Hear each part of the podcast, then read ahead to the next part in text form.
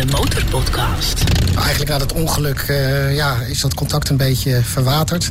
Het gaat om eh, Jelle de Vries. Hij woonde in Voorschoten en hij reed volgens mij op een Yamaha FZR 600.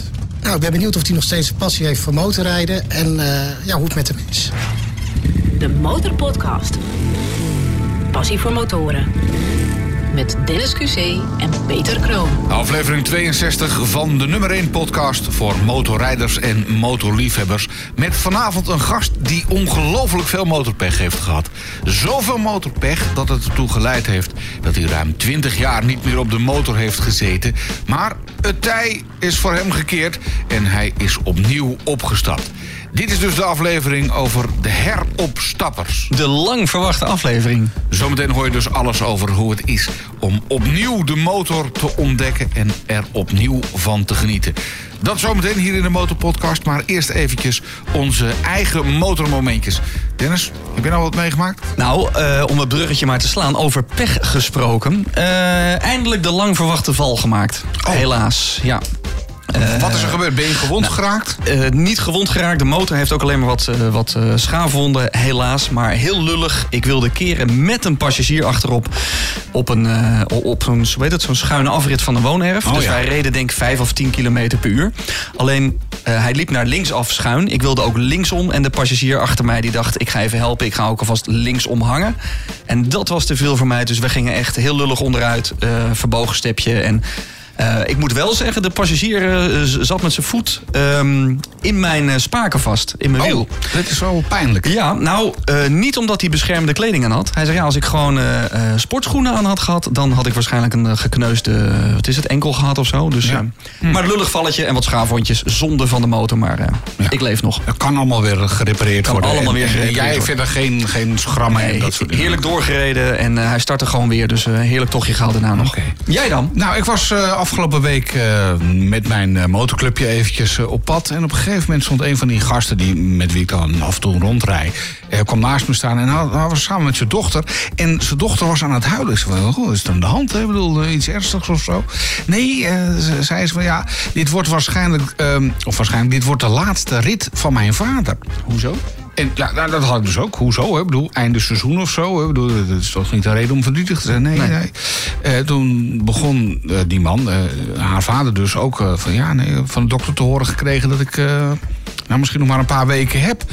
Dus eh, nee, ja, toen dacht ik ook, nou, eh, we hebben even met je neus op de feiten gedrukt. Hè? Geniet vooral van het motorrijden, zolang het nog, eh, nog, nog kan. Ja, en wat zeg je dan tegen zo iemand? Ja, ik stond eigenlijk even met een bek vol tanden. Sterkte. Ja.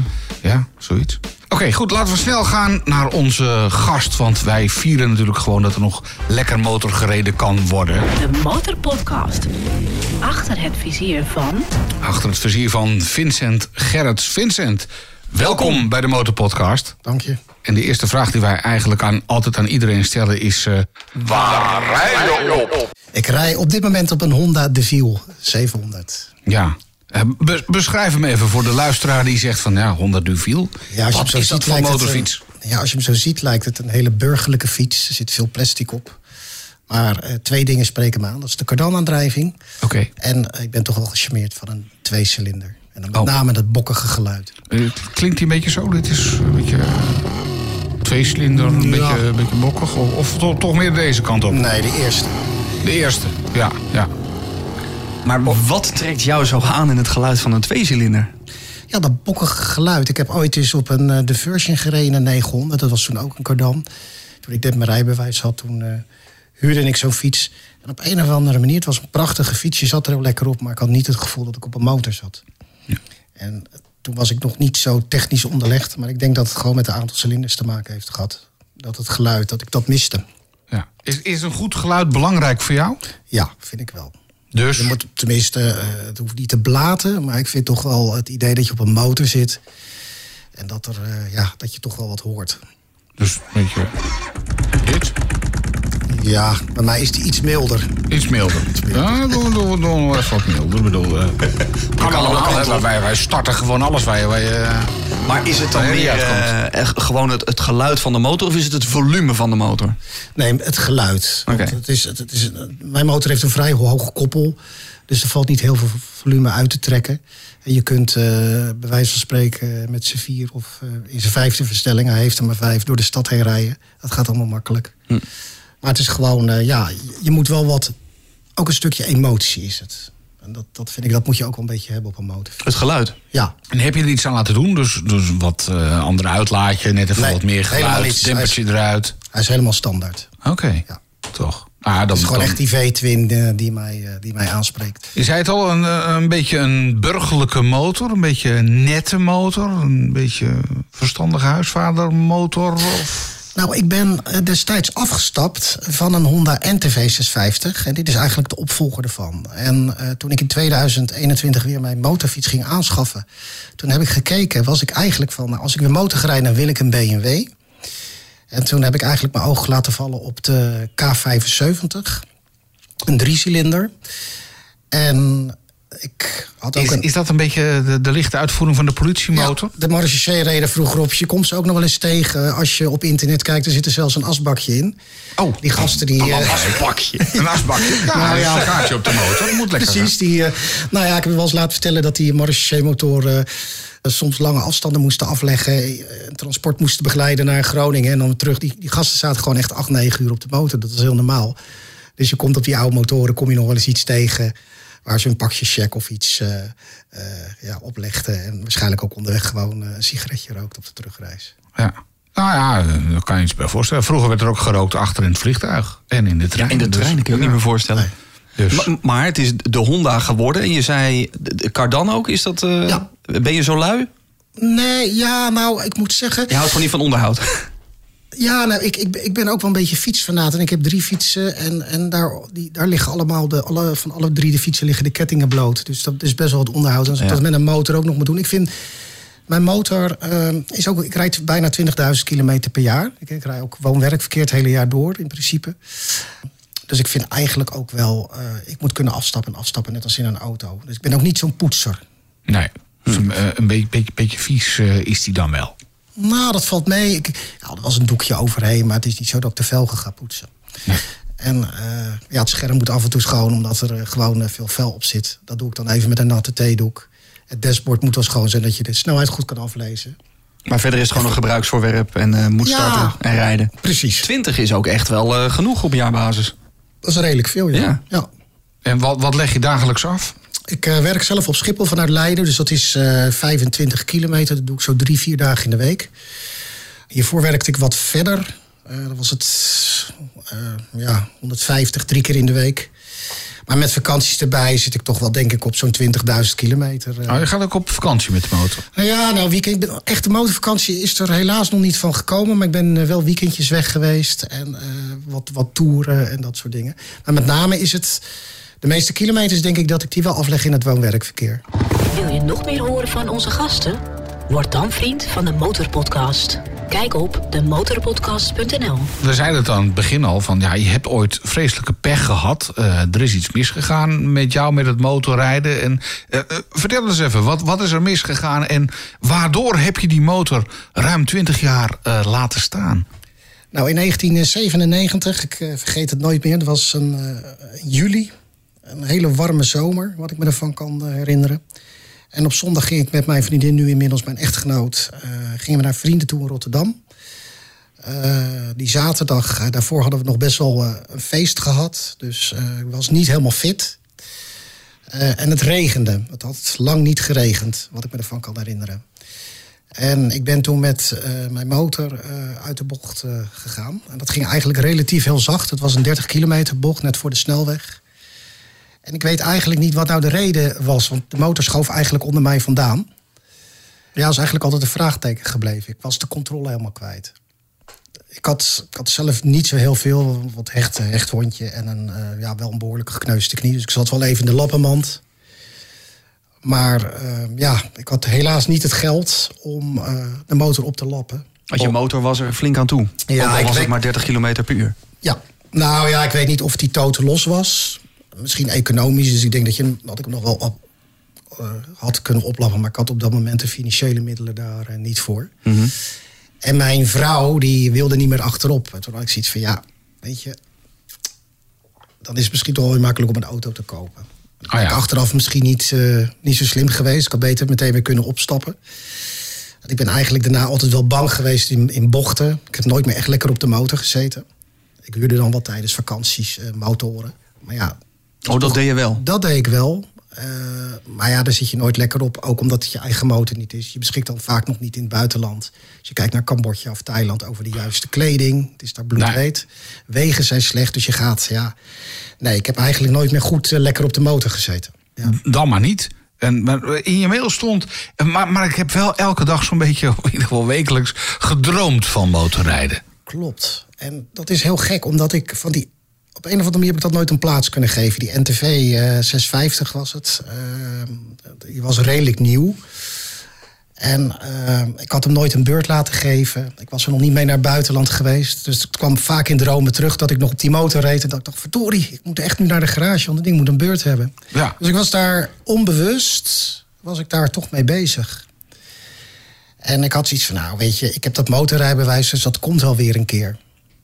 Maar goed, je wordt ouder, je krijgt kinderen, je wordt toch wel wat voorzichtiger. Je ziet ook, eh, ik ben eh, een aantal jaren geleden, een, een collega van mij eh, is omgekomen op de motor. Dus ja, je, je bent je wel bewust dat er ook heel veel risico's aan. Je, je, je zit op twee wielen.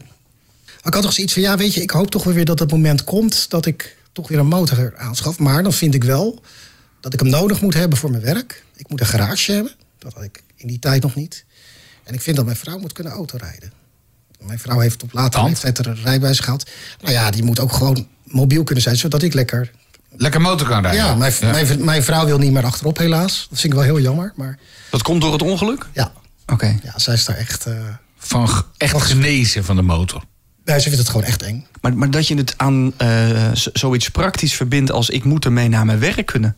Motorrijden is toch ook gewoon rijden, genieten Ja, en klopt. dan niet naar je werk gaan? Nee, maar klopt. Maar motorrijden, eh, ik denk zoals ik het doe, is relatief toch best wel prijzig. Hè? Jullie hebben het in de podcast ook wel eens over gehad. Motorrijden doe je niet meer omdat het goedkoop is. Dat was eigenlijk in de jaren negentig toen ik het deed ook niet meer. Ik vind goede kleding heel belangrijk. Dus ja, je koopt een helm, je koopt een pak. Ik vind ook van, ja, maar om alleen voor de zondag te hebben, dat vond ik gewoon te kostbaar. Dus ik vond ook dat ik hem echt wel praktisch moest kunnen inzetten. Maar op vakantie gaan vind ik ook praktisch. Of je met de auto op vakantie gaat, of met de motor. Met de motor rij je 1 op 20, met de auto rij je op 1 op 15. Dus ik vond, eh, ja, ik, ik vond dat ik hem ook echt moest gaan gebruiken. En eigenlijk deden die momenten zich in 2000, toen de corona begon, allemaal aan. En eh, ja, toen ben ik echt heel hard gaan sparen en gaan zoeken. Tot ik eh, ja, de geschikte motor vond. Maar toen, dat je, toen dacht je eerst nog van dat moet een BMW worden. Ja, ik dacht als ik ooit weer motor ga rijden, ben ik ouder. Hè? En dan, dan wil ik wel echt een B. Want dat is toch echt wel de motor onder de motorfietsen. Zo dacht ik toen. En dat was wel grappig. Ik was eh, samen met iemand gaan kijken. De, de trainer van mijn eh, zoontje, die, eh, een echte motorrijder overigens. Die heeft drie motoren, geen autorijbewijs. Heeft dat ooit wel eens geprobeerd. Dus die heeft er wel verstand van. Dan zijn we eigenlijk een beetje door Nederland gaan rijden. En op zoek gegaan.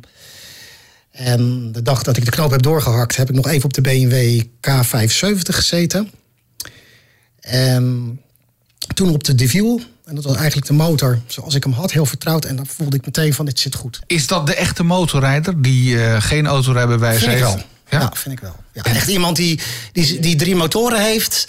Nou ja, weet je wat is de echte motorrijder? Ik, ik zeg altijd wel, die, de echte motorrijder die, eh, die, die rijdt met een kettingslot om zijn, eh, om zijn jas. Zijn motor staat buiten. Dat is echt een, een Vroeger hadden wij geloof ik eh, in Leiden een huisarts die deed die reed op de motor. Die ook zijn huisbezoek op de motor. Ja, dat vind ik toch wel echt een motorrijder. Ja, ja. Een, slot om je, om je nek. Ja. Maar het is ook gevaarlijk, hè? Als, je- als je dan valt. Nee, maar toen had je nog geen koffers. Dus gewoon een pukkeltje en een slot en een leerjasje. De Motorpodcast. Toen ik jouw mailtje las, want je hebt ons heel lang geleden al gemaild van joh, jullie moeten het eens gaan hebben over eh, heropstappers. Toen schreef je 24 jaar niet gereden. Nou, als motorrijder, en ik denk ook dat er nu heel veel mensen zitten te luisteren die zeggen: hoe houd je het in godsnaam 24 jaar uit zonder motor? Nou, ik heb er altijd wel over gedacht, maar ik denk dat moment komt er wel. Je, je deelt je leven ook. iedere, iedere, iedere leeftijd of ieder heeft een levensfase, zeg maar. En ik was er toen op dat moment gewoon ook niet aan toe, financieel niet. En ik had gewoon de middelen er niet voor. En ehm, ja, toen kwamen al die momenten bij elkaar. Toen voelde dat ook gewoon goed. Ja, dat klinkt heel raar, maar van ja, nu. Hè, ik heb dat rijbewijs. En, eh, ik, eh, dus ik, ik, ik- en het is ook een passie, anders ga je motorrijbewijs niet halen. Dus eh, ja, ik moet het nu gewoon doen. En toen ben ik me er eigenlijk weer helemaal in gaan verdiepen. Eh, je gaat de winkels eh, af, eh, struinen, kleding kopen. Dan merk je eigenlijk leuk, dan kom je in zo'n motorwinkel. En dan merk je eigenlijk dat er in 24 jaar niets veranderd is. het ruikt zo? nog hetzelfde, de koffie is nog hetzelfde. Ja, er zijn, de dingen zijn wat, wat moderner, je hebt wat andere snufjes. Maar in principe, ja, het is eigenlijk nog net zoals 24 jaar geleden. En je verleert het ook niet, hè? Je zit alleen wel anders, in mijn geval, wel anders op een motor. Want, eh, hoe, hoezo anders? Nou, bochten. Ehm, ik heb altijd, dat is dus wel misschien toch een beetje een, een ja, frustratie wil ik het niet echt noemen, maar waar ik altijd me wel heb afgevraagd dat ik die motor volledig kwijt was tijdens dat, eh, dat ongeluk. En ik moet ook zeggen dat, daar was ik niet zwaar gewond, maar je maakt een behoorlijke klap, ook emotioneel. Jullie hadden geloof ik onlangs nog een gast die daar ook iets over vertelde en dat Ja. was heel herkenbaar. Dat je, het doet echt iets met je. Het is anders als je een kopstaartje krijgt met de auto. Hè, dan stap je uit. Nou, het ergste geval heb je een whiplash en je auto zit in elkaar. En dat wordt allemaal via de verzekering geregeld. Maar lichamelijk, je valt van die motor, je kleding is kapot. Je gaat toch naar het ziekenhuis. Het, het- ja, het, heeft bij mij heel veel impact gehad. Ben je nooit op zoek geweest naar, naar de oorzaak of zo? Is, is die technisch Ja. nog door de mangel gehaald? Of, of ben je teruggegaan naar de plek? Nou, in die tijd was ik niet zo assertief als dat ik nu was, een aantal jaartjes jonger. Ben toen nog wel met een vriend eh, daar naartoe geweest om foto's te maken. Maar goed, toen had je ook nog geen digitale foto's en dat soort dingen. Maar mogelijk denk ik toch dat er olie op de weg heeft gelegen. Maar omdat ik natuurlijk zo ja, relatief vrij lage snelheid ging en eigenlijk niets meer kon, die hele motor kwijt was, verbaast mij dat nog wel steeds. Een technische oorzaak, ja, de motor was redelijk nieuw, verwacht het niet. Maar goed, het kan misschien met de bandenspanning te maken hebben gehad. Van alles. Toch iets, kan iets, zijn zelf iets geweest. fout. Ja, misschien Ja. toch iets fout. Het gaat allemaal ontzettend snel. Je ziet het gebeuren. Nou liet je ons ook al wat eerder weten eh, eh, via de mail. Van, ja, ik ben toch stiekem toch ook wel een beetje aan het kijken naar een andere motorfiets eh, ondertussen. Klopt. Ja, Ja. ja. Dat was eigenlijk het eerste jaar al. Toen ik de motor had, ging ik al meteen rondkijken. Daar werd ik ook voor gewaarschuwd. Nou ja, je zit weer in dat wereldje. Je gaat weer eens naar een motor, motorwinkel toe. En eh, je komt in contact met andere motorrijders. En er zijn zo ontzettend veel leuke dingen. Heb je wel eens nagedacht over een, ehm, ja, een motorfiets gewoon te laten bouwen? Nee, nee. Daar heb ik Nee? niet over nagedacht. Nou, Nou ja, ik ben zelf niet zo heel handig. Oliefiltertje lukt me nog wel, maar... het, Nou ja, wij hebben namelijk een heel handig eh, mannetje. Dit, dit, dit is, eh, ja, dit is het geluid van onze klusgarage. de, de, de motorpodcast eh, klusgarage. Powered by eh, magicmotorcycles.nl. En eh, onze handige motormonteur is Bobby. En ja, die, die- man is gewoon in staat om een motorfiets voor je te bouwen. Hè. Die, die zit dat ding gewoon... sleutelt- Letterlijk Ja, alles wat je maar kunt bedenken. maakt hij voor je. Dus, nou ja, je gaat naar hem toe en je zegt van... eh, nou, ik rijd 20.000 kilometer per jaar en ik wil... ja, misschien weer er wel vierkante wielen onder. En dan, dan maakt hij ze gewoon. Zou dat wat voor jou zijn? Nou, wie weet. Ik, heb, ik wist niet dat het bestond. Ik dacht dat het alleen met Harley Davidson zo was. Dat die Nee, in elkaar ja, gezet werden. Bobby kan echt, al, al wil jij een, een, een, een, een- nou ja, noem eens iets geks. Wil je hem 30 centimeter langer en 12 centimeter hoger hebben? Ja. Met een tank uit een, eh, Ja, wat je maar wil. weet ik veel, een Opel Vectra, dan eh, kan dat. Of, eh, nou, ik, ik heb niet aan hem gevraagd of hij ook rupsbanden eronder wil zitten. Maar Als het moet, dan moet het. Volgens mij is hij ertoe in staat. Nou, eh, onze, onze, onze Bobby dus van eh, magicmotorcycles.nl. Kijk ook even op zijn site. Daar staan al wat gebouwde modellen. Dus misschien zit er wel wat bij voor je. Over, over mooie dingen gesproken, dan moet je even bij hem zijn. Want ben je helemaal blij met de, met de motor zoals die nu is? Of, of stap je wel eens op dat je denkt, nou, dit hadden ze echt anders moeten doen? Ja, ik mis eh, zeker met mijn kilometers een cruise control. Kappen voor de, voor de handvaten, dat kan op deze motor niet. Eh, wel eens naar geïnformeerd. Ja, en- Want, koude handen? Ja, toch door de rijwind. Ik heb wel handvatverwarming op een gegeven moment als je toch een uur, anderhalf uur te motor zit met rijwind. Ja, je rijdt 120, dan, dan wordt het gewoon koud. Dan kun je niks, dat, dan kun je niks tegen. Dat, het enige wat helpt zijn die handkapbeschermers. En eh, je zei al, ik rijd het hele jaar door. Dus ook eh, in de winter. En dan eh, ook een uurtje naar het werk toe ongeveer. Ja, ja, als het. Ik, vorig, als ik kijk naar afgelopen jaar, wel alleen de wind gehad. Hè. We hebben verder geen, geen ijzel. Ze hebben één keer gestrooid, geloof ik. Ik heb gewoon het hele jaar doorgereden. Ik rij alleen niet als ik me niet fit voel. Als ik me niet 100% fit voel, stap ik niet op de motor. Dan pak ik lekker de auto, want ik bedoel, ik heb een auto. En als het echt gaat ijzelen en, en gaat sneeuwen, dan, nee, dan ga ik het niet opzoeken. Maar in principe een regenbuitje of eh, Geen last van, dan ga je gewoon door. rijden we gewoon door. Spulletjes in de koffer. Je, je hebt drie koffers hè, op, op eh, Ja, dat ja, klopt. Maar het zijn inbouwkoffers, die zijn vrij klein. En dan heb ik een topkoffer, dus ik zou ook wel voor iets meer bergruimte willen op mijn volg- eh, volgende motor. Ik zou niet zo snel meer voor inbouwkoffers gaan, dus gewoon koffers die het lekker af kan halen. Ja. Want voor werkverkeer kun je het gewoon prima met een topkoffer doen. En dan ga je lekker op vakantie. Zijkoffertjes eraan. Dus als eh, de firma Honda jou belt, dan zeg je van geen inbouwkoffertjes meer, maar koffertjes erop. En eh, kappen uiteraard voor, de, voor het stuur. Nou, dan zijn we weer compleet, toch? Precies, zo is het. De Motorpodcast. Gratis in je favoriete podcast-app. Aflevering 62 van de Motorpodcast. We hebben nog heel veel prijzen weg te geven Ja. straks. Dus als je hebt meegedaan aan een prijsvraag... of als je vriend van de show bent... We, onder vrienden van de show verloten we zometeen een boek. We maken bekend, als jij zometeen een loodje hebt getrokken... wie de kortingsbon voor een, een wheeliecursus eh, krijgt... En eh, we mogen nog een circuittraining van To The Experience... op het Midland circuit eh, weggeven. En jij kwam nog met leuk nieuws. Want jij mag ook iets weggeven. Een opfris motorcursus van eh, motorinstructeur Robert Dalsum. Robert Dalsum, ja zeker. Robert Dalsum, eh, daar heb ik mijn, eh, zeg maar mijn opfriscursus gedaan. Ik ben eigenlijk nog steeds een beetje bij me in de leer. Om gewoon, ja, wat ik belangrijk vind, is om een betere motorrijder te worden. Mijn skills gewoon wat op te vijzelen. En ja, ik heb ook al een aantal keren de bochtentraining in, eh, in de Eifel gedaan. Echt een aanrader. Een weekend Eifel rijden. Echt alleen maar, nou, als je het ergens wil leren, moet je het in Duitsland doen. Maar Robert die eh, verloot een eh, opfriscursus van eh, twee uur. Ter waarde van eh, 110 euro. 110 euro. Kijk, Ja. dat is mooi meegenomen. Wij hebben het daar wel eens over. Van als wij nu examen zouden moeten doen, zouden we dan nog slagen? Ik durf het niet. meer. Ik, volgens mij, eh, ik, eh, nee, nee, ik, eh, nee. Ik, Ik heb laatst ook verteld, ik was nog naar het oefenterrein waar ik ooit mijn examen heb geoefend. Om daar nog een keer het achtje te doen. Maar krijg dat, alsnog benauwd. Ja, dat komt. het duurde wel een aantal keren voordat ik die weer netjes binnen de pionnetjes kon maken. Maar eh, oké, een opfriscursus ter waarde van 110 euro bij Robert Dalsum. We hebben een van de eerste afleveringen met hem opgenomen. Hij heeft een, eh, een eigen motorrijschool met eh, knalgele motoren. En ja, als je op YouTube Robert Dalsum opzoekt, dan vind je vast een van zijn filmpjes. Een vraag die we misschien kunnen stellen aan jou als luisteraar is: hoeveel vragen moet je in het theorie-examen voor de motor goed hebben om te slagen? Oh, wat een moeilijke weer. Hoe, hoe, lang, hoe lang is het voor jou geleden, Peter? Heel lang. Ik, ik, ik, ik heb geen idee. Nee. Wanneer heb jij je rijbewijs gehaald? 1996. 1996, oké. Nou, hoeveel vragen moet je in het theorie-examen van het CBR goed hebben om te slagen voor je rijexamen? Mail het of DM het naar de Motorpodcast en dan maak je kans op een opfriscursus bij Robert Dalsum te waarde van 110 euro. De Motorpodcast. Ja, we moeten nog veel meer bespreken, want onze roadshow is inmiddels ook begonnen. En eh, daar zijn we ook heel erg druk mee. Even, even kort uitleggen. Ja. Voor mensen die het nog niet eh, helemaal eh, door hebben. Eh, we gaan eh, door het land met onze mobiele set. Er zijn suggesties welkom. Als je nog zoiets hebt van... eh, eh, ik heb een leuke motorzaak of een leuk evenement eh, voor motoren.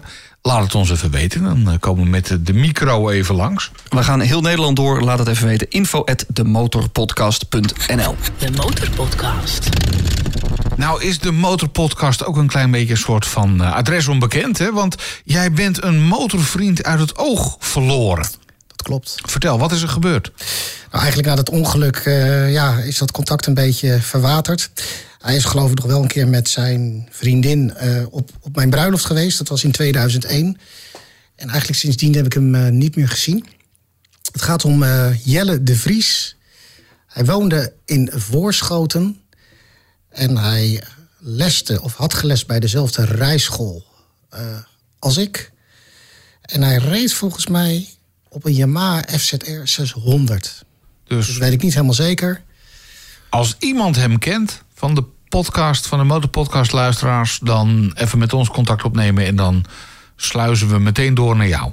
Dat lijkt me hartstikke leuk. Jelle de Vries uit Voorschoten, waarschijnlijk een Yamaha FZR 600. Die zal hij dan misschien niet meer hebben ondertussen. Die zal wel wat anders rijden. Maar goed, eh, Dat was ook jaren negentig, dus dat is alweer een tijd geleden. nou, Ik ben benieuwd. ben Het zou wel benieuwd. tof zijn als wij Jelle met jou weer eh, kunnen connecten. Nou, ik ben benieuwd of hij nog steeds passie heeft voor motorrijden en eh, ja, hoe het met hem is.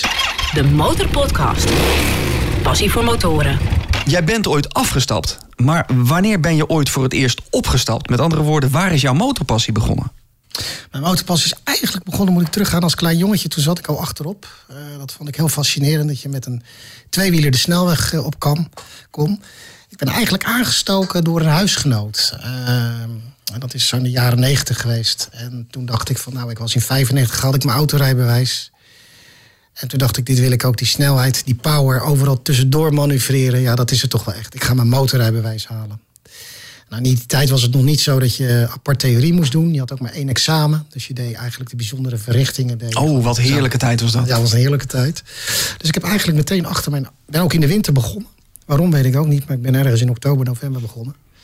Met het, eh, met het halen van het motorrijbewijs. Wat was je eerste motor? Mijn eerste motor was een CB1'tje, maar die heb ik eigenlijk heel kort gehad. Een grappig fietsje was dat. Er zat een blok onder van een CBR Fireblade. ook even uitleggen, hè? want ik weet niet eh, precies eh, al die motoren, al die types. eh, ik ken er een paar, maar de- deze Fireblade heb ik wel eens gezien. Maar De Fireblade en de CBR 600 waren in mijn tijd, toen ik begon met motorrijden, hele populaire fietsen. een beetje een racemotor. Ja, de CBR is een wat, wat volgens mij een wat sportievere stoerfiets. Net als de VFR. En, en de Fireblade was meer eh, ja, wat je nu vaak terugziet bij de Kawasaki's. eh, een beetje de buikschuivers. Ja. Eh, alleen zo'n CB1'tje, ja, je hebt niks. Het is heel erg snel, maar als je ermee op de snelweg zit een half uur... dan ben je helemaal eh, gevloerd. Wel nee. ik rij een wat nieuwere CBR, maar ik vind het echt heerlijk hoor. Nee, nee, een CB1'tje. Oh, CB1'tje. Nee, ja. Ja. nee Sorry. nog een kuip en een scherm waarschijnlijk. Nou, dat, dit mag geen naam hebben. Nee, oké. ik moet echt op mijn buik gaan liggen, wil ik eh, uit de wind eh, zitten. Maar Oké, nou op zo'n CB1'tje heb je dus helemaal niets. Dus eh, nee, toen ben ik eigenlijk eh, ja, tegen de, de NTV aangelopen. En daar eigenlijk ook wel een beetje verliefd geworden op die, v, eh, die V2. En, eh, De Honda, de, de- Honda NTV. Ja, was toen de Honda NTV. Inmiddels heet het de DeVille. Of nee, de opvolger was de DeVille en nu is het de NT. Ja, ja. Alleen dat is een kettingfiets geworden. Waarom Honda dat heeft gedaan, weet ik niet. Vind ik overigens heel erg jammer, Honda. En 1100 cc eh, wel niet te verstaan. Ehm, maar Cardan vond ik toch ook eigenlijk wel ideaal. Want je hebt geen onderhoud. En eh, maar het, je hoeft niks te smeren. Dus Lekker opstappen en rijden. precies. De Motorpodcast. Gratis in je favoriete podcast app. zullen, we, zullen we een prijs bekendmaken? Ja, laten we even een prijs. eh, We hebben hier nog een stapel boeken liggen over eh, motorreizen gesproken. Jij mag hier eh, uit, uit al deze vrienden van de Motorpodcast... al deze mensen die, die krijgen nog meer afleveringen van ons. Eh, trek vooral twee loodjes, want we hebben hier nog twee boeken weg te geven. Daarin beschrijft Hans Go zijn reis over de zijderoute naar China op de motor. En echt een eh, mooi boek met fantastische foto's en wijze, ver- eh, wijze levenslessen. Oké. Vertel het maar, eh, wie heb jij gelukkig gemaakt als Ik heb, vriend? Wouter en Yamaha R6. Nou, helemaal goed. Wij gaan twee boeken die kant op sturen. En laten we meteen dan doorgaan met de volgende. Dit zijn weer andere deelnemers. Eh, een van deze mensen. mee. Ja, een van deze mensen wil graag een eh wheelie-cursus bij Jeremy Vonk leren of doen. Wheelies leren maken. Daar is ook nog even een dingetje. Maak eens even een video. Althans, als het goed is, staat dat erboven. Ja. Eh, Nisse Blankendaal. Nisse Blankendaal, jij mag binnenkort eh, een wheelie gaan doen. Helemaal goed. Nou, dan doen we zometeen racen op ehm, Midland. Doen we straks. Moeten we ook nog even doen. Jongen, Ja, jongen, we En zitten echt- druk, echt druk, met druk, zoveel druk, dingen om En we hebben nog post, we hebben nog de 100.000 euro vraag. De Ah. plaat waar je harder van gaat. Het is bijna... eh, we moeten meer zendtijd... eh. De Motorpodcast. Je zei het al, ik, eh, ik wil geen ketting meer, maar een kardan. Want dan hoef ik nooit, eh, nooit meer te smeren. Maar 1000 cc of minder, is dat ook nog belangrijk voor je? Ja, Of kijk je er zo niet naar motoren? nou, je wil wel iets meer power. Eh, Dat, dat, heb je, dat, dat mis ik wel gewoon op de DeVille. Iets meer pk's, dus dan ga je ook wel vaak naar een wat, wat hogere cc-klasse. Maar eh, ja, dat is op kardangebied ook wel het een en ander te krijgen. Ik moet wel zeggen, het wordt wel steeds minder. Hè, Honda die maakte natuurlijk een betaalbare fiets. Eh, ja, het is nu dan kom je toch wel vaak in de BMW's eh, terecht. Ja, wil het een kardan hebben. Ja. Ja. Eh, ik geloof dat de nieuwe Tiger van Triumph heeft ook een cardan. Toevallig van de week eens in rijden. Ik bedoel, zoveel verstand heb ik er ook weer niet van. Maar die zag ik rijden en dacht, nou, dat is toch ook wel een mooi ding met, met cardan. Of een motor met een, met een, hoe heet het, een belt. Hè? Dat is ook een, een optie misschien. Ik ben zelf een beetje verliefd geworden op de motor Kuzi, de V85 TT. Die heb ik onlangs eh, gehuurd via Motorshare. Eh, een hele leuke man. eh, dat zijn mensen die particulier dan verhuren. Jullie wel bekend, denk ik. Ja, ja. Motorshare kennen we. Toen kwam ik bij Hans Nieuwenhuis uit eh Weesup. En die man had ook een passie voor Motor Kuzi. Had er drie in zijn schuur staan, die kon er vol liefde over vertellen. En eh, ja, ik heb eh, zijn motor gehuurd en ben daar eh, mee naar de Eifel geweest. Ja. Wat was je ervaring? Ja, het, het, het geluid, het is ook echt, het is een heel puur, iets meer power. Het is qua cc geloof ik niet heel veel meer dan dat ik nu heb. En je zit ook wat hoger. En mij trekt toch ook wel een beetje, dus mijn volgende stap zou toch wel een beetje richting een, ja, een adventure gaan. Dus het, niet zozeer om echt terrein te gaan rijden. Het is wel leuk om een beetje gravel te pakken als je in het buitenland bent. Maar in principe gewoon, ja, wat hoger op de fiets te zitten. Ik hoor wel eens van mensen dat ze dat veiliger vinden. Of tenminste het idee hebben dat je over de auto's heen kunt, eh, kunt kijken. Ja, nou zit je op een motor toch altijd vaak hoog. Hè, dus zie je meer. Maar het is inderdaad wel zo dat je op, een, eh, op, op zo'n adventure eh, wel hoog, hoger zit. Ja. Kom je veel in het buitenland? Nou, eh, Duitsland een aantal keren geweest. Er staan nog wel wat dingen op de bucketlist om te doen. Dat is er helaas nog niet van gekomen. Maar ik heb natuurlijk ook nog niet zo heel lang mijn motor. Nee. Maar eh, er staat genoeg in de planning. En ben je dan meer een asfaltrijder of ga je dan echt... Je zei net een beetje gravel of uh, hou het Nou, daarop? met, met de Deville zeker niet. Eh, maar ik pak wel altijd de binnenwegen. Dus ga ik naar, eh, naar Duitsland of zo. Dan probeer ik dat wel helemaal binnen door te doen. Over Moto Guzzi gesproken. eh, een van onze volgende afleveringen zal zijn met eh, Rick Nieman. Dat is ook een, eh, een echte Moto Guzzi man. Dus eh, ook even naar luisteren. Binnenkort eh, schuift hij aan aan de desk van eh, de Motor Podcast.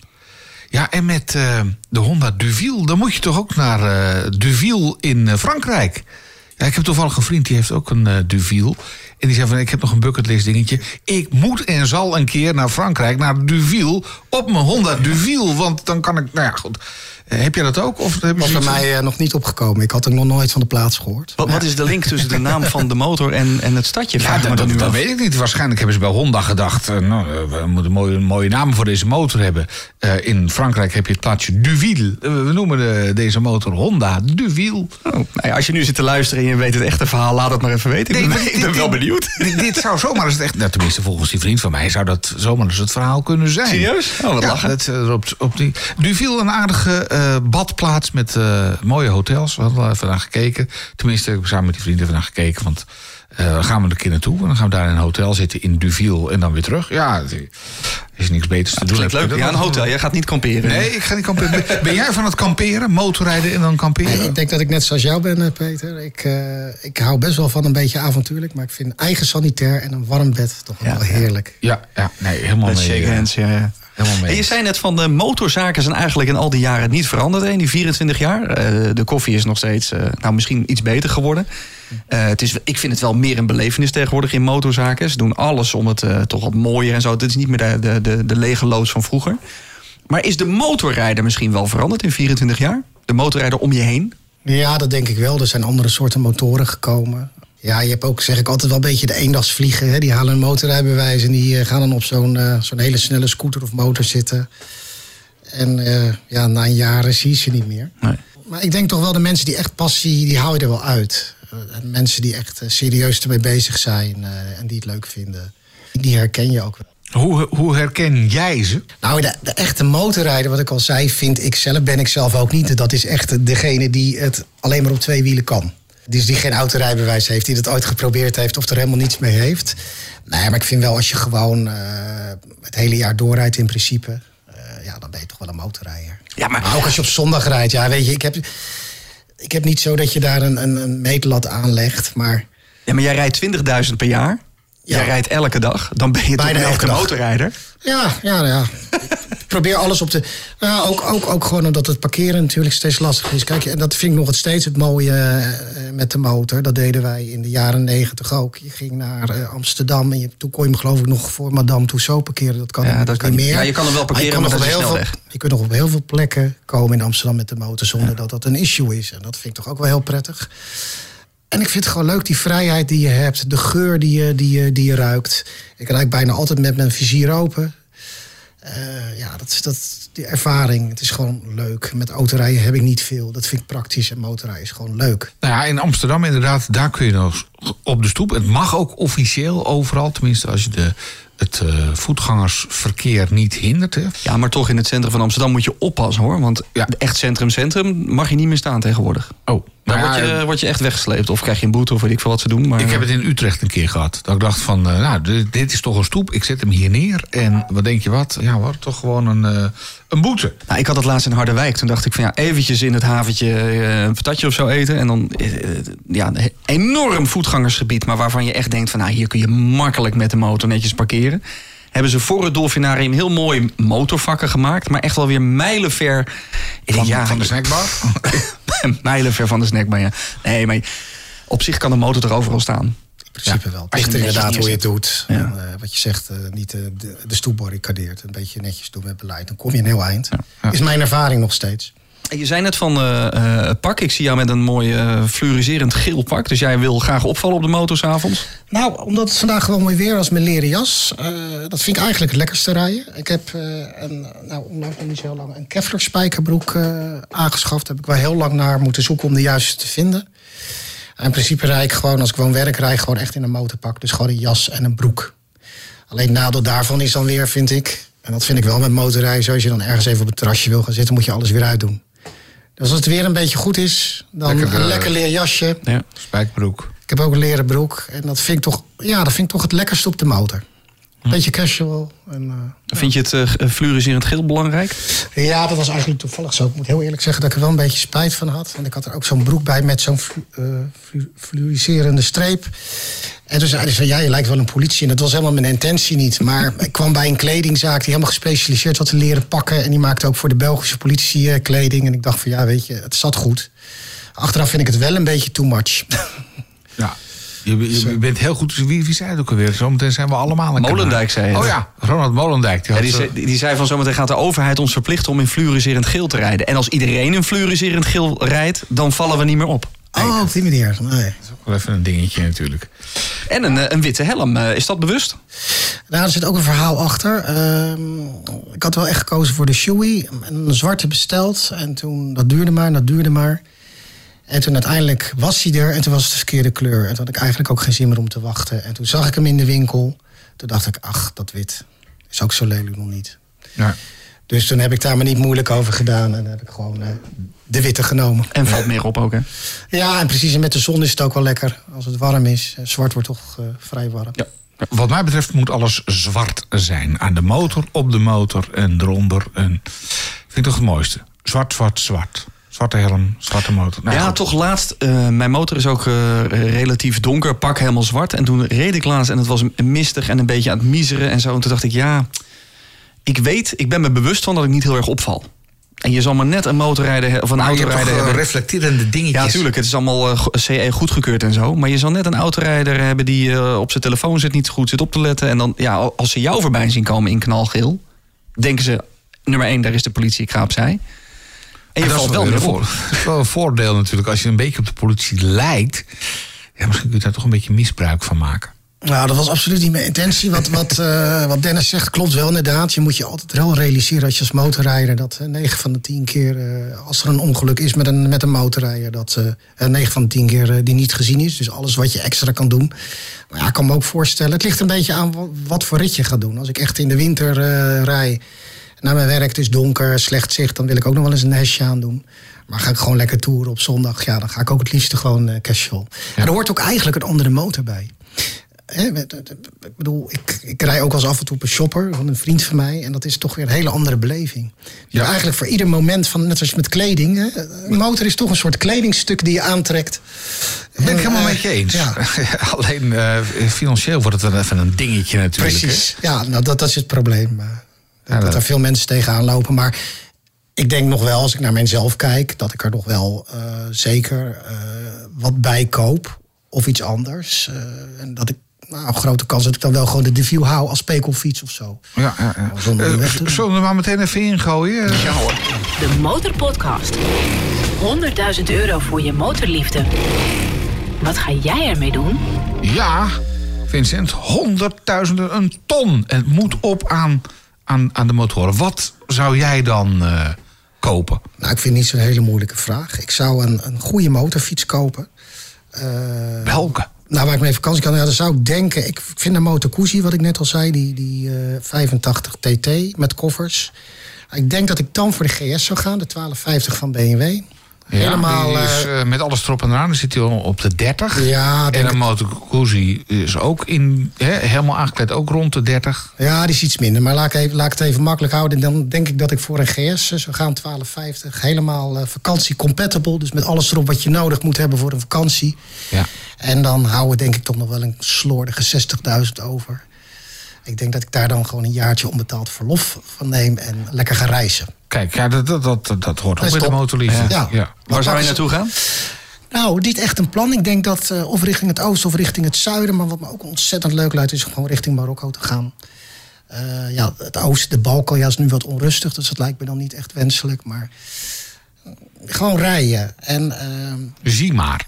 ja, en, en, en tussen local mensen komen. En, en weet je, met een reis is altijd zo. Je kunt een hele mooie nieuwe motor kopen en een garage. Maar als die motor kapot gaat, dan zit er een crash op. En een reis, dat pakken ze nooit meer van je af. Dat Nee. blijf je altijd bij je dragen. En een herinnering, dat koester je. Het sluit wel een beetje aan ook waarbij jij eh, de, de aflevering begon, eh, Peter. Met, ja, het kan ook morgen afgelopen zijn. Ja, Eh, Geniet nou maar, doe nou maar wat je nu wil doen. Want wie Ja. zegt dat je het over een jaar nog kunt doen?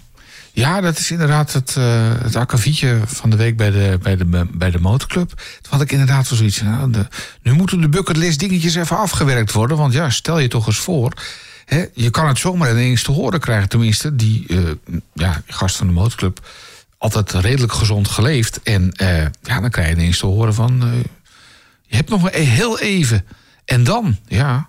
Laten we het in de, in de nabrand nog even hebben over, die, eh, eh, Ja. over de, de bucketlist dingetjes. Maar je zegt het oosten of het zuiden. Dat is, nog, dat is wel heel iets anders. Ja, De Balkan of eh, Spanje of Marokko. Nou ja, die kant richting de Balkan, Turkije, echt, echt toch wel een beetje toch proberen om dan Azië te bereiken. Maar ik denk Marokko en dan richting het, ja, hoe heet dat gebergte? Het Rifgebergte. Dat lijkt me toch wel heel bijzonder. Ik heb er wel eens filmpjes van gezien. En ik hou het dan toch wel even bij asfalt. Maar het lijkt me gewoon leuk om ongepland gewoon lekker weg te kunnen gaan en ook de tijd hebben. Want dat heb je vaak niet en dan ontbreekt het wel eens aan. Ja. Dus ik denk dat je dan goed voor dat geld een stukje ja, vakantie koopt, tijd koopt, zeg maar. Ja, ja dat is eh, heel lekker. Helaas is die 100.000 euro, die ton, is nog fictief. Eh, we hopen dat het ooit nog een keertje zo goed gaat dat we het daadwerkelijk kunnen doen. Maar voorlopig nog even niet. Hoe los jij het nu op? Want je je zette in je mailtje van ja, ik ben toch wel verslaafd aan het motorvirus. Hoe los jij het financieel allemaal op? Nee, wat je ook net zegt, ik geniet net zoveel van die Deville als op een GS. Ja. Eh, het zijn de momenten. Het zijn die momenten dat je, ja, dat, je, dat, je, dat je dat voelt, dat gevoel hebt. En dat gevoel had ik ook toen ik hier eh, naartoe reed eh, vandaag. Dat je geniet, dat je kan ruiken, dat je kan horen, kan zien. Ik denk dat dat heel belangrijk is. En nogmaals, ik geniet net zoveel op mijn motorfiets als iemand die op een motorfiets, weet ik veel, eh, van een ton rijdt. Het is Ja. ook de beleving dat je het allemaal kan doen, dat je het allemaal kan bedienen, dat je het allemaal kan waarnemen. Dat zijn hele belangrijke dingen. Dus ik zeg altijd count your blessings, iedere dag weer. Dat Ja. je het kan doen en mag doen. Belangrijk. Ja. Eh, morgen dus weer gewoon naar het werk op de motor. Nou wordt het morgen wat minder lekker weer. Waarschijnlijk ook een buitje regen. Je zei, wel, ik, ik ga compleet in het pak. Eh, je werkt in de buurt van Schiphol. Kun je daar makkelijk eh, eventjes de nat- het natte pak ophangen? Ja, en hoor. dan, eh, Ik heb, eh, ja, we hebben gewoon eh, kluisjes en kleedruimte. De motor staat overdekt. Ah, Oké, eh, dat is mooi. onlangs een, eh, zo'n regenpak aangeschoft. Die zit gewoon standaard in de motor. Die hoort bij de standaard eh, motoruitrusting. Want ja, dat is het eigenlijk het enige wat je met regen te- eh, droog houdt. Hè. Je kunt eh, broeken en Gore-Tex heet dat geloof ik Ja, tegenwoordig. Gore-Tex, ja. Gore-Tex. Maar op een gegeven moment word je nat. Een regenpak is gewoon mijn ervaring is dat de enige, het enige middel om droog te blijven. Als je, Echt droog te blijven. Want echt droog te blijven. Het is een gedoe om zo'n ding aan te doen. En ook weer uit. Maar- Ja, maar je moet wel, als je elke dag van en naar je werk gaat, je, ja, terug naar huis kan nog wel. Maar als je nat op de zaak zit, dat is niet te doen. Precies. Nee. Maar, ja, maar goed, ik heb gelukkig eh, eh, bedrijf waar ik werk, kan ik douchen en omkleden. Dus dat is, eh, dat is gewoon eh, praktisch is het allemaal prima in orde. En ik zeg ook, als ik me echt, als ik er geen zin in heb of ik voel me niet fit, dan pak ik de auto. ik bedoel, toch wel. Niet zo, ik moet met die motor, maar in principe is het wel mijn vervoersmiddel. zou elektrisch rijden wat voor jou zijn? Ik heb er wel een keer al op gerepen, een elektrische motor. Maar nee, ik, ik, nee, ik vind toch wel die geur en, en, en dat geluid. Erg Dat belangrijk. hoort toch wel een beetje bij het motorrijden. Ja. Ja, als jij verliefd bent op de tweecilinder, dan Ja. is eh, bzzzt toch een heel ander geluid, denk ik. eh. Maar kijk, en daar hebben we het in, in de groep ook wel eens over gehad. Van ja, als, het straks, hè, als je er straks echt toe gedwongen wordt. Stop je dan met motorrijden? Nou ja, dan zul je toch moeten. Hè? Je zult toch. eh, ja, of het die kant uit opgaat. Eh, kijk, ik heb een passie voor tweewielers. Dat, dat is gewoon, eh, laat het voorop staan. Maar het liefst hou ik het toch nog gewoon lekker bij een eh, verbrandingsmotor. Wil je nog meer horen van onze gasten? Word dan vriend van de Motorpodcast. Kijk op demotorpodcast.nl. Dennis, moeten wij nog wat zaken afhandelen? Wij hebben nog eh, post. We hebben zometeen nog de plaat waar je harder van gaat. Want ik ben wel benieuwd waar Vincent het ultieme motorgevoel van krijgt. En we mogen zometeen nog een eh, dagdeel racen op Midland weggeven. La- Laten we eerst even de post doen dan. De Motorpodcast. Even kijken, een selectie. Hier een mailtje. Leuke podcast weer, mannen. Het geluid van motoren stoort mij ook altijd in films. Ja, we hebben laatst een, een eh, aflevering gemaakt... waarbij we bespraken dat het geluid in een film van een motor niet altijd overeenkomt met de echte motor. Eh, hoeveel moeite is het nou om gewoon het geluid van de gebruikte motor even op te nemen en te gebruiken? Deze luisteraar was ook stom verbaasd toen hij de eerste afleveringen van LA Finest zat te kijken en een Ducati Monster aan zag komen, maar zo waar het geluid van een Ducati met een droge koppeling hoorde. Kleine moeite, lijkt ons ook. Eh, we hebben een reactie gekregen van Justin, die heeft een van de eerdere boeken van Hans Go gewonnen. Hoi jongens, onwijs bedankt voor de toffe boek. Uiteraard heb ik destijds zijn aflevering beluisterd en ik ben erg benieuwd. Ehm, Igor Dop die schrijft: Beste Dennis en Peter, ik vind jullie podcast echt geweldig. Ik heb hem pas ontdekt en bij- bij- ben bij aflevering 1 begonnen. Dan heb je nog wat te gaan. Eh, ik luister non-stop overal. Ik heb wel één vraag. Er zijn een aantal gasten die een grote reis hebben gemaakt. En wat ik me nou altijd afvraag is, hoe doen ze dat met onderdelen? Als er bijvoorbeeld een startmotor mee stopt of een gaskabel breekt af... hoe kan je dat onderweg allemaal regelen? Ga lekker door met de podcast. Ik geniet er, eh, geniet elke aflevering van. Nou Igor, volgens mij is dat vaak gewoon eh, handen- en voetenwerk... en gewoon lokaal dat proberen op te lossen. En zoals Hans Go zegt, wees bamboe. Dus probeer gewoon heel creatief en vooral flexibel te zijn eh, met oplossingen. En als het wat langer duurt dan gedacht, eh, maak je daar niet te druk om.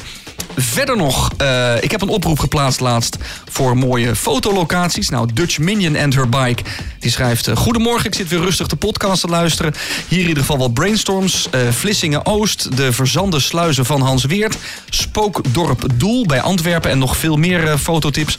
Ze schrijft ook, Dennis, als je foto's gaat maken... ik ga graag met je mee. Nou, lijkt me gezellig. En we mogen weer nieuwe vrienden van de Motorpodcast eh, verwelkomen. Welkom Remy Dam 1, Dirk 26, Wouter Heijveld en Peter VFR. Tof dat jullie vriend van de Motorpodcast zijn gewonnen... want jullie krijgen zo meteen weer een extra nabrander. De Motorpodcast. Wij hebben nog in eh, de achterzak een circuittraining van 2D Experience. Eh, die mochten wij weggeven namens Roy Russen op het Midland circuit. Is een, eh, een training ter waarde van 90 euro. En die is eigenlijk wel geschikt voor zo goed als iedereen die een beetje sportief wil rijden. Nou, Vincent, ik zou zeggen, trek weer een, een lot. Jij maakt er iemand blij. Vertel het, wie mag er gaan racen op Midland? En, eh, holsappel. Edwin Holsappel, gefeliciteerd. Jij eh, mag binnenkort gaan racen. Laat ons vooral even weten hoe het geweest is en wat je hebt geleerd tijdens dat racen. Ben jij zelf ook een beetje van het circuit? Lijkt je dat wat? Eh, ik heb wel eens over na zitten denken. Het lijkt me wel eens een keer leuk om dat te ervaren. Eigenlijk de limits op te zoeken. En ik weet niet of het kan hoor, op het circuit. Maar gewoon eens hoe ver kan je nu met zo'n motor? eh, lekker plat door de bocht. Ja, en wat kun je dus? eh, je- toch steeds je, ja, je skills opvijzelen. Eh nou heb ik wel eens begrepen met circuitrijden... dat het toch wel heel erg eh, op, op, op bo- bochten is. Eh, dus dat je, er, ja, dat je er in de praktijk niet heel veel... eh, op de openbare weg niet heel veel mee kan. Nou, Dennis. Nou, nou, Jij nou, komt er nou. nog alles. Ja, het hangt er een beetje vanaf wat je met uiterste bedoelt. Kijk, uiterste snelheid ga je er niet rijden. Want je, althans, bij motorcircuittraining in dit geval, waar ik het wel eens heb gedaan... dan moet je achter je voorrijder blijven. Maar je leert daar echt schuin, je leert kijken, je leert eh, eh, remmen, je leert je bochtentechniek. Maar als je wil weten hoe hard hij gaat, nee, dat moet je dan daar net niet doen. Eh, Dan moet je gewoon een open circuitdag eh, boeken. Maar ik kan het je echt aanraden. Je gaat daarna veel zekerder op de motor zitten. En dan leer je ook echt, nou ja, niet de limieten, maar je leert wel dat de limieten veel verder zijn dan dat je eigenlijk denkt. Ik heb er veel aan gehad en ik kan het je alleen maar aanraden. Nou, Dus uh, leuk ook cadeautje voor de kerstboom. De Motorpodcast. De plaat waar je harder van gaat. De plaat waar je harder van gaat. Want wij vragen aan elke gast in de Motorpodcast... wat is nou voor jou de plaat waar jij het ultieme motorgevoel van krijgt? Of je nou wel of niet op de motor zit, maar waarvan krijg je dat ultieme motorgevoel? Dire Straits, A Lover of Cold. De Motorpodcast. De plaat waar je harder van gaat.